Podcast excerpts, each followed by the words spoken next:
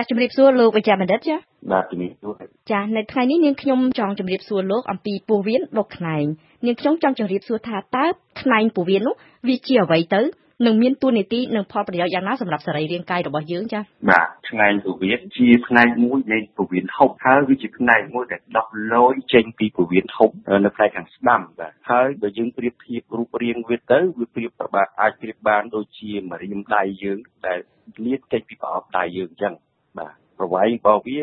អាចនៅចន្លោះពី2សង់ទីម៉ែត្រទៅ20សង់ទីម៉ែត្រប៉ុន្តែប្រវែងដែលយើងឃើញញឹកញាប់នោះនៅពេលយើងធ្វើការវះកាត់នោះគឺចន្លោះពី8សង់ទីម៉ែត្រទៅ10សង់ហើយអត្ថប្រយោជន៍របស់វាវាមានប្រយោជន៍តិចតួចទេវាមានប្រយោជន៍តិចតួចនៅក្នុងការចូលរួមជាប្រព័ន្ធការពាររាងកាយទប់ទល់នឹងការបង្ករោគផ្សេងៗដែលមានរោគចាបើវាមានប្រយោជន៍តិចតួចអញ្ចឹងហេតុអ្វីនឹងមានមូលហេតុអីដែលបង្កឲ្យអាកូនខ្នែងដែលតូចមួយអញ្ចឹង វាស្រាប់តែទៅជាបង្កបញ្ហាទៅវិញចារហូតមកដល់សប្តាហ៍ថ្ងៃនេះអ្នកវិទ្យាសាស្ត្រមិនទាន់អាចកំណត់បានច្បាស់អំពីមូលហេតុនៃការរលាកផ្នែកពោះវៀននៅឡើយទេសប្តាហ៍ថ្ងៃនេះយើងមានតែជាទ្រឹស្ដីទេបាទហើយទ្រឹស្ដីដែលយើងអាចជឿជាក់បានហ្នឹងគឺមានទ្រឹស្ដីខ្លះគេបញ្យល់ថាការរលាកផ្នែកពោះវៀនហ្នឹងគឺអាចបណ្ដាលមកពីការចម្លងមេរោគតាមឈាមបានន័យថាមេរោគបង្ក រោគទៅកន្លែងទីតាំងផ្សេងទេប៉ុន្តែឆ្លងតាមឈាមមកមកដល់ផ្នែកពវៀនហ្នឹងវាធ្វើឲ្យផ្នែកពវៀនហ្នឹងអាលៀកបាទហ្នឹងគឺស្ដីមួយបាទ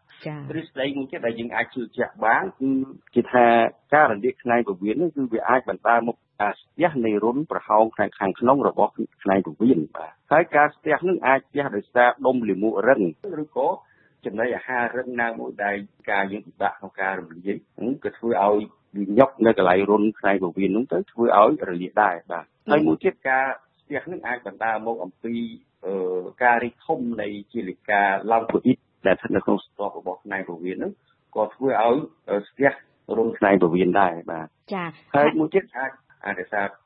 រដុំមហារីកនៅក្នុងពវៀនធំឬក៏មហារីកដែលនៅនឹងដែលស្ថិតនឹងផ្នែកពវៀននោះតែម្ដងដែលវាធ្វើឲ្យមៀតប្រហោងខាងក្នុងរបស់ផ្នែកពវៀនបាទធ្វើឲ្យផ្នែកពវៀននោះស្ទះដែរចាបើសិនជាដូចអ្វីដែលលោកមានប្រសាសន៍អំបញ្ញមិញហ្នឹងអញ្ចឹងថាថាអីថាតែមានការស្ទះរុនហ្នឹងអញ្ចឹងហើយបានជាជំនឿដែលខ្មែរយើងតែងតែនិយាយថាកុំឲ្យញ៉ាំផ្លែតបែកទាំងគ្រាប់ពីព្រោះគ្រាប់ហ្នឹងវាអាចបង្កឲ្យមានហានិភ័យកើតនៅផ្នែកពវៀន ថាតើជំនឿនេះយើងអាចទទួលយកបានដែរឬទេចា៎មិនទាន់មានការសិក្សាជាក់លាក់តាមបែបវិទ្យាសាស្ត្រណាមួយតំណាក់តំណងរវាង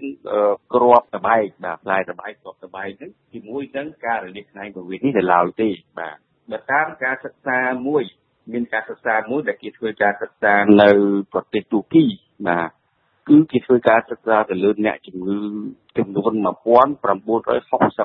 នាក់ហ្នឹង អ្នកជំងឺនេះគឺសិតតែជាអ្នកជំងឺដែលមានបញ្ហារលាកផ្នែកពោះវៀនហើយអ្នកជំងឺនឹងត្រូវបានគេវះកាត់យកផ្នែកពោះវៀននឹងចេញចាចាហើយគេដល់ពេលគេពិនិត្យទៅលើផ្នែកពោះវៀនដែលវះកាត់ចេញនោះគេឃើញមានតែមួយករណីគត់ដែលឃើញមានក្របផ្លែឈើបាទឃើញក្របផ្លែឈើគេអាចបានបញ្ជាក់ថាផ្លែឈើហ្នឹងជាប្រភេទអីទេគាត់ថាគេឃើញមានក្របផ្លែឈើហ្នឹងវាទៅញាប់នៅក្នុងរុនហ្នឹងអញ្ចឹងទៅបើយើងគិតពីអត្រា0.05%ហ្នឹងគឺ អត្រាហ្នឹងវាតិចតួចណាស់អញ្ចឹងវាហានិភ័យខ្ញុំគិតថាក៏វាអាចមានដែរតែក៏វាមិនច្រើនដែរបើសិនជាក្របនោះជាក្របសបែកមែនបាទចាចាឥឡូវយើងខ្ញុំត្រឡប់មកជម្រាបសួរលោកវិជ្ជនិតអំពីអាការៈសញ្ញានៃដែលយើងអាចសម្គាល់និងដឹងខ្លួននឹងគួរឲ្យសង្ស័យថាអ្នកយើងឥឡូវនេះមានបញ្ហា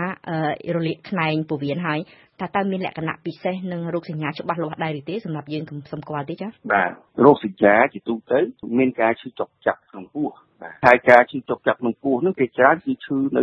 បើយើងប្រៀបធៀបជាមួយនឹងពោះយើងជាមួយនឹងខ្សាត់ចា៎ការឈឺចុកចាប់ហ្នឹងគឺវាស្ថិតនៅផ្នែកខាងក្រោមហើយងាកមកខាងស្ដាំនៃខ្សាត់បាទងាកមកស្ដាំបន្តិចខាងក្រោមខ្សាត់ហើយងាកមកខាងស្ដាំបន្តិចបាទជាទូទៅរោគសញ្ញានេះគឺជារោគសញ្ញាដែលគាត់មកជួបគ្រូពេទ្យបាទ ហើយបើសិនជាគ្រូពេទ្យនឹងសួរគាត់ជាច្រើនគាត់តែងតែឆ្លើយមកថាគាត់ឈឺនៅដំបូងបំផុតគឺការឈឺចុកចាប់ឈឺនៅជុំវិញផ្សិតក្រោយមកការឈឺចុកចាប់នឹងគាត់ធ្លាក់មកផ្នែកខាងក្រោមនិងផ្នែកខាងស្ដាំនៃផ្សិតនឹងឯងបាទហើយអ្នកជំងឺគាត់មានអាការៈអត់ចង់ញ៉ាំអាហារគួតចង្អោរគាត់អាចមានក្តៅខ្លួនមកជាទូទៅមិនសូវជាក្តៅខ្លាំងទេបាទហើយគាត់អាចមានទល់លាមកហើយក៏អាចមានរាគដែរបាទតាមពិតរោគសញ្ញាផ្នែកពោះវៀនហ្នឹងសញ្ញាទូទៅគឺអញ្ចឹងប៉ុន្តែក៏មាន សញ្ញាផ្សេងផ្សេងទៀតដែរគឺវាប្រែប្រួលទៅតាមទម្រង់របស់ផ្នែកពោះវៀននោះដែរបាទ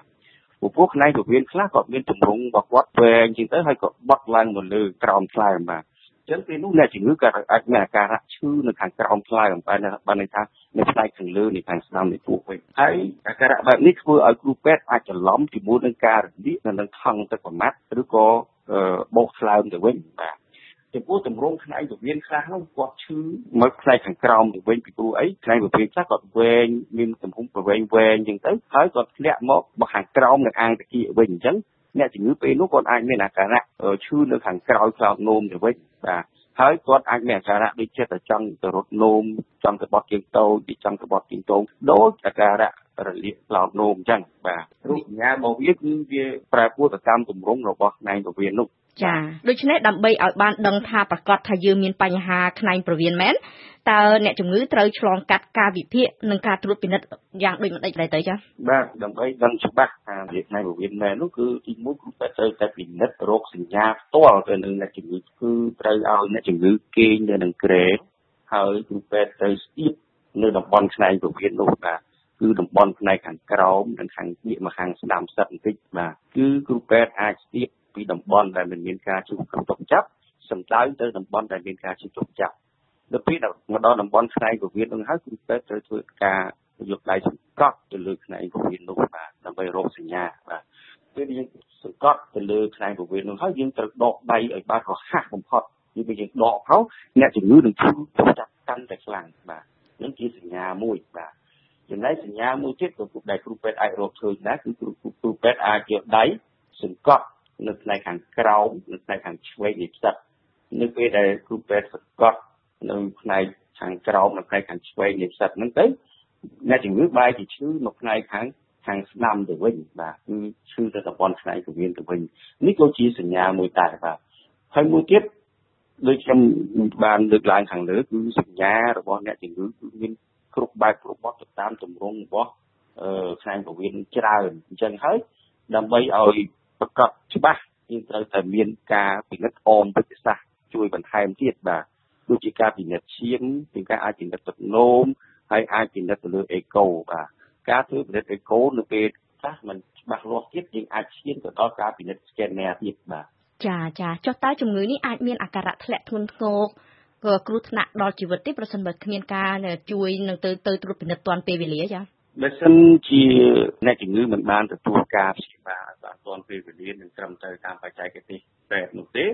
គាត់អាចវិវត្តទៅរកការស្នាក់ដែរបាទព្រោះកាលណាផ្នែកពវៀននឹងរលាកទៅយូរយូរទៅវាអាចបែកធ្លាយទៅផ្សាយភាយមេរោគតែធ្វើឲ្យរលាកស្រោមពោះទៀតបាទពេលដែលរលាកស្រោមពោះហើយពេលនោះ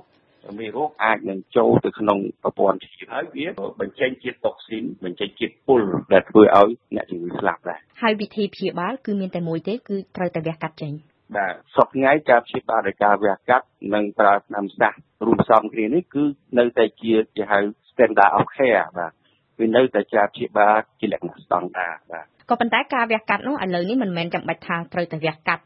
វះពោះទេគឺគេអាចចោះកាត់យកពវៀនហ្នឹងក៏បានដែរតើការវះកាត់បែបនេះអាចមានបន្សល់ទុកនៅផលវិបាកអ្វីធ្ងន់ធ្ងរទៅថ្ងៃក្រោយដែរឬក៏យ៉ាងណាដែរចា៎បើនិយាយពីផលវិបាករបស់វាវាអាចថ្ងៃក្រោយទៅពវៀននោះវាអាចស្អិត បាទនៅពេលដែលស្អិតនោះវាអាចធ្វើឲ្យពវៀននោះស្ទះដែរប៉ុន្តែជាទូទៅផលវិបាកអស់ទាំងនេះក៏អាចយើងអាចព្យាបាលបានយើងអាចគ្រប់គ្រងបានមិនគួរអីទៅយើងបារម្ភពេកទេបាទចាចាហើយចុះទៅខ្ញុំខ្ញុំមានចំនួនមួយដូចឆ្ងល់ថាតើយើងអាចជៀសវាងនឹងការពៀននឹងមិនឲ្យមានបញ្ហានៅខ្នែងពវៀននឹងបានដែរឬអត់ចារហូតមកដល់ពេលនេះមិនទាន់មានការព្យាមិនទាន់មានវិធានការបង្ការការពារណាមួយដែលមានប្រសិទ្ធភាពនៅឡើយទេប៉ុន្តែមានការសិក្សាខ្លះ គេរកឃើញថាក្នុងចំណោមប្រជាជនដែលគាត់ចូលចិត្តទទួលទានអាហារដែលសម្បូរទៅជាតិ fiber គាត់ញ៉ាំស្អាតគាត់ធ្វើលំហាត់ប្រាណអីត្រឹមត្រូវគឺអត្រាដែលកើតផ្នែកពវៀនហ្នឹងតិចជាងអ្នកដែរដែលអត់ចូលចិត្តញ៉ាំអាហារដែលសម្បូរដោយជាតិ fiber ហើយគាត់អត់ចូលចិត្តហាត់ប្រាណហ្នឹងគឺតិចជាងបាទចាសសូមអរគុណលោកវិជ្ជបណ្ឌិត